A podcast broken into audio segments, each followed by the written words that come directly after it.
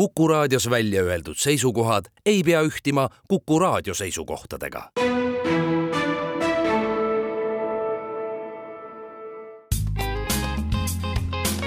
ettevõtlusminutid. saadet toetab Eesti Kaubandus-Tööstuskoda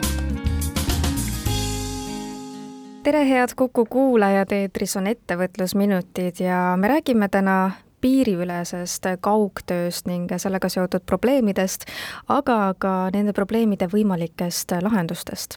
mina olen Ingela Virkus ja koos minuga on stuudios Eesti Kaubandus-Tööstuskoja esindaja Euroopa Majandus- ja Sotsiaalkomitees Reet Teder, tere! tere! nagu öeldud, ma olen siis Eesti Kaubandus-Tööstuskoja esindaja Euroopa Majandus- ja Sotsiaalkomitees. tasub ehk kõigepealt nimetada, mis asi see Majandus- ja Sotsiaalkomitee on. see on konsultatiivorgan, kuhu kuuluvad esindajad kõikidest liikmesriikidest liikmetena äh,. igast liikmesriigist äh, sinna kuuluvate inimeste arv on seotud liikmesriigi suurusega, Eestist on seitse inimest ja need jagunevad äh, olles tööandjate esindajad, kus mina ka olen, töötajate esindajad ja muude mittetulundusühingute, sihtasutuste esindajad. ja see, mida Majandus-Sotsiaalkomitee teeb, on, et ta annab arvamusi Euroopa Komisjonile selle konsulteerimistaotluste peale, ehk siis direktiivide ja määruste ettepanekute osas, aga koostab ka omaalgatuslikke arvamusi. kui ta näeb, et Euroopas on mingi teema, mis vajaks kas edasist tegelemist või lahendusi, ja üheks selliseks teemaks on ka piiriülene kaugtöö mis seal siis praegu täpsemalt teemaks on, et millised probleemid või murekohad on piiriülese kaugtöö osas äh, välja kujunenud või avaldunud? ma alustan ajast enne Covidit ühe näitega. kujutage ette, et on töötaja, äh, kes töötab Taani firmas, aga elab Rootsis Malmös enne Covidit, enne pandeemiaperioodi sõitis ta Rootsist Taani igapäevaselt. töötas Taanis ja teda ka maksustati Taanis. et äh, Taani tööandja talle töötasu makstes pidas vastavad maksud kinni. kui nüüd saabus äh, pandeemia aeg ja ühiskonnad muutusid suletumaks, e, lihtsalt ei lubatud enam teises riigis tööl käia, siis see Rootsi töötaja, ta sai teha kaugtööd, töötas Rootsis. Kõik oli sama, tema töösisu oli sama, tööandja oli sama, mis aga muutus, muutus see, maksustamise asukoht, teda maksustati Rootsis. ja nüüd äh, peale pandeemiat, kui, äh, kui situatsioon on leevenenud, mingit sundasumiskohustust enam ei ole, aga siiski töö iseloom on sedavõrd muutunud, et väga paljudes valdkondades ongi võimalik mitte teha iga päev tööd kas kontoris või kuskil mujal, vaid tehagi kodus või hoopis kolmandas kohas see aga tähendab, et riigid peavad läbi mõtlema, kuidas nad seda tööd maksustavad. hea uudis on see, et Eestis praegu sellega probleeme ei ole. Äh, seda küsis ka meie Rahandusministeerium ja Maksuametilt ja Eestis praegu veel karjuvaid probleeme ei ole, keegi muretsema ei pea.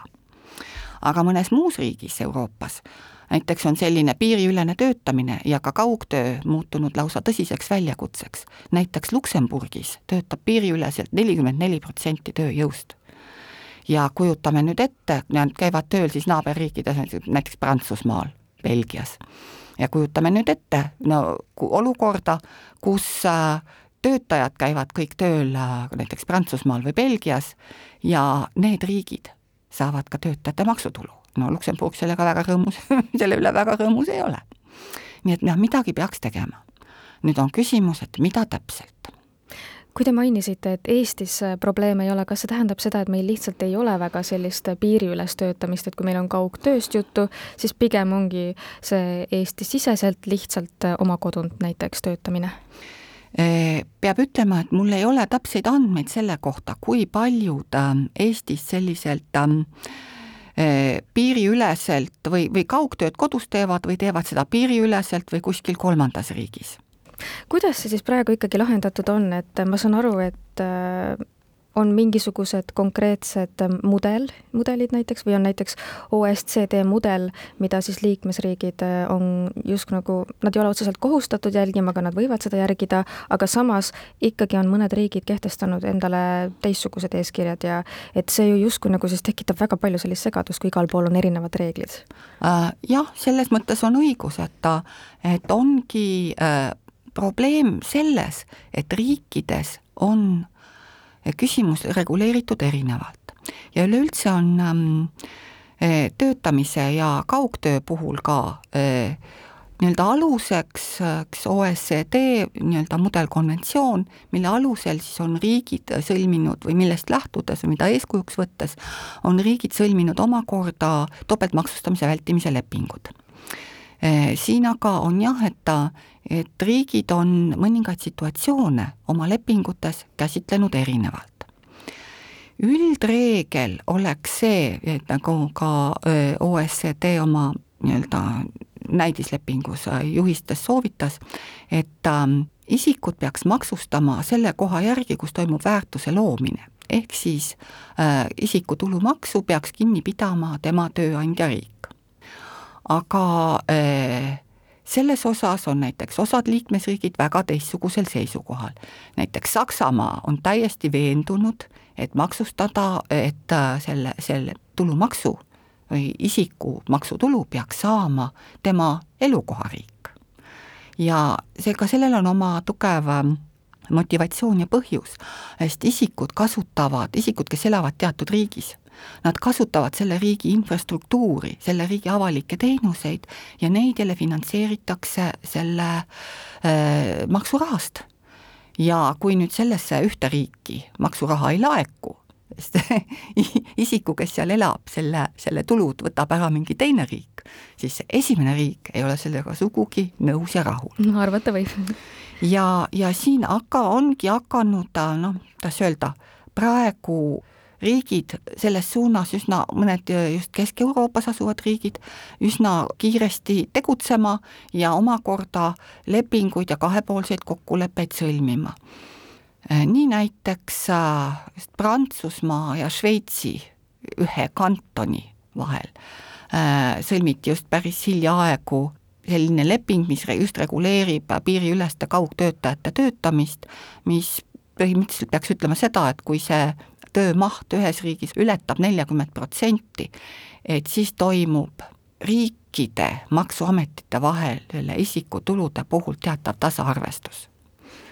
nii et ka sellised skeemid on võimalikud. aga nüüd, et mida, mida Majandus- ja Sotsiaalkomitee nüüd teeb, eh, siin äh, toimuski äh, Tallinnas äh, üks väikene nii-öelda avalik kuulamine.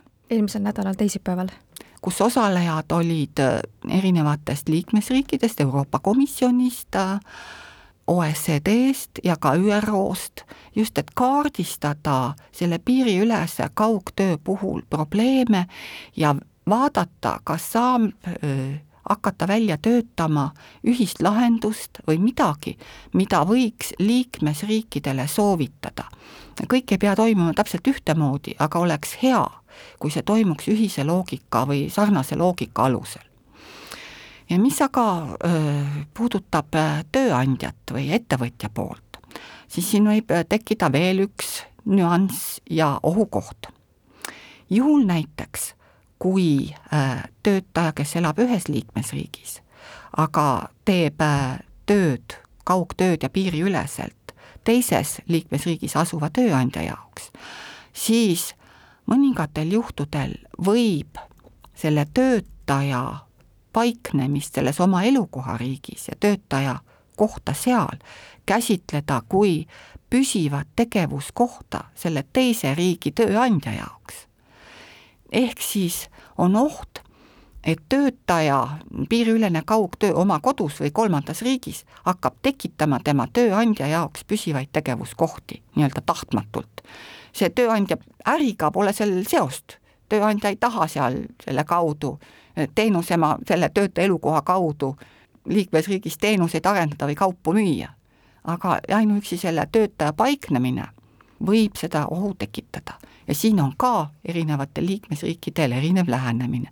näiteks mul on teada Saksamaa seisukoht Saksamaa arvab nii, et töötaja elukoht, kui ta tööd teeb, kaugtööd oma elukohast, ei saa ühelgi juhul tekitada tööandja jaoks püsivat tegevuskohta, sellepärast et selle koha suhtes puudub tööandjal mingisugune käsutusõigus. ta ei saa korraldada ja anda suuniseid ja juhiseid ja käske, kuidas töötaja elukoha suhtes. jah, et see on, tundub ka mõistlik seisukoht aga on ka teada, et päris kõik liikmesriigid seda ei jagavat see tundub päris keeruline, just see, et kõigil on oma nägemus asjast, aga samas oleks vaja mingisugust konkreetset ja kindlat regulatsiooni, et praegu need äh, eeskirjad, et kuidas siis piiriülene töö maksustada, et need muutuvad justkui nagu kogu aeg, on palju arusaamatusi, vaidlusi. Äh, praegune olukord võib ju töötaja jaoks tähendada ka, et äh, sõltuvalt välisriigi tulu maksustamisest võib töötaja olla kohustatud esitama näiteks siis kaks eraldi maksudeklaratsiooni, mis tähendab, et need võivad olla erinevatel aegadel, kuna tähtajad on liikmesriikides erinevad, et mis sellised eeskirjad praegu ja, ja siis need uued, mida te arutasite, et mida need kõik tähendavad töötaja enda jaoks, et ja. kuidas see tema jaoks muutub, et praegu me oleme rääkinud ja. tööandjast näiteks ja just sellest, et kuidas need riikide vahel, milliseid vaidlusi need tekitavad? jaa, aga te ütlesite täiesti õieti ära, et praegu see võibki tähendada, et töötajal ongi kohustus esitada tuludeklaratsioonid erinevates riikides. üks nagu hea näide on, mida ka mina sellel ähm, kuulamisel küsisin, eh, kirjeldasin situatsiooni, et mis saab juhtudel, kui Eestis elav ütleme, influencer kirjutab ja, ja eh, ütleme, teenib oma tulu platvormi vahendusel, kus riigis see on registreeritud, pole vähimatki aimu, eh, aga selle, seda oma tegevuse käigus ta käib erinevates riikides, on näiteks kuu aega Hispaanias, saadab sealt reisikirju, siis Inglismaal, siis Saksamaal, siis USA-s. mis sellisel juhul tehakse, kes hakkab maksustama ja kuidas? ja siin on kõigile Eestis tegutsejatele hea uudis, kui ta on Eestis, täidab, esitab Eesti tuludeklaratsiooni, märkides ära tulud sealt ka mujalt allikatest saadud, siis teda maksustatakse Eestis ja temal ei ole muret selles osas, et kas ta peaks hakkama äkki Hispaanias tuludeklaratsiooni esitama. konkreetselt jah, sellele küsimusele sain vastuse. aga jah, paljude riikide vahel ka just näiteks Belgia ja Prantsusmaa on inimesed ja töötajad kohustatud esitama tuludeklaratsioone kahes riigis. ja vältimine lihtsustamaks töötaja olukorda ja ka tööandjate olukorda siis äh, arutelul pakkusime välja sellise võimaliku lahenduskäigu, et tulevikus arvestust töötaja töö tegemise asukoha kohta peaks pidama tööandja, kes aga esitab need andmed oma riigi maksuametile. ja kui teise riigi maksuamet arvab, et tema peaks ka sealt midagi saama või andmeid saama, siis andmevahetus toimuks Maksuametite või no, või võib, võib-olla mõni riik loob selleks muu asutuse, ma ei tea, eh, nende riiklike asutuste vahel, et välistada ja vähendada või töötaja koormust ja ka tööandja aruandluskohustust tulevikus. Praegu on asi sealmaal, et nende mõtete alusel koostatakse üks arvamus, mida omakorda, mis omakorda läheb siis ähm, sellel sügisel äh, esitamisele ÜRO vastavas äh, maksudega tegelevas äh, komitees. ja me ei tea, praegu ma ei oska anda lõplikke vastuseid, mis sellest kõigest tuleb, aga piiriline kaugtöö on kasvava tähtsusega teema ja trend maailmas selle osakaal suureneb ja parem on ette mõelda ja katsuda välja pakkuda lahendusi, kui seista nii-öelda lõpuks lõhkise küna ees ehk et vaidlusi ja natuke sellist nagu segadust on veel päris palju, aga me saame selle saate täna lõpetada sellega, et Eestis on kõik hästi. koputan vastu puud, ingliskeelne väljend touch wood minu teada praegu küll, jah, aitäh aitäh teile saatesse tulemast, Eesti Kaubandus-Tööstuskoja esindaja Euroopa Majandus- ja Sotsiaalkomitees Reet Teder ning palju jõudu ja jaksu teile! aitäh! ettevõtlusminutid. saadet toetab Eesti Kaubandus-Tööstuskoda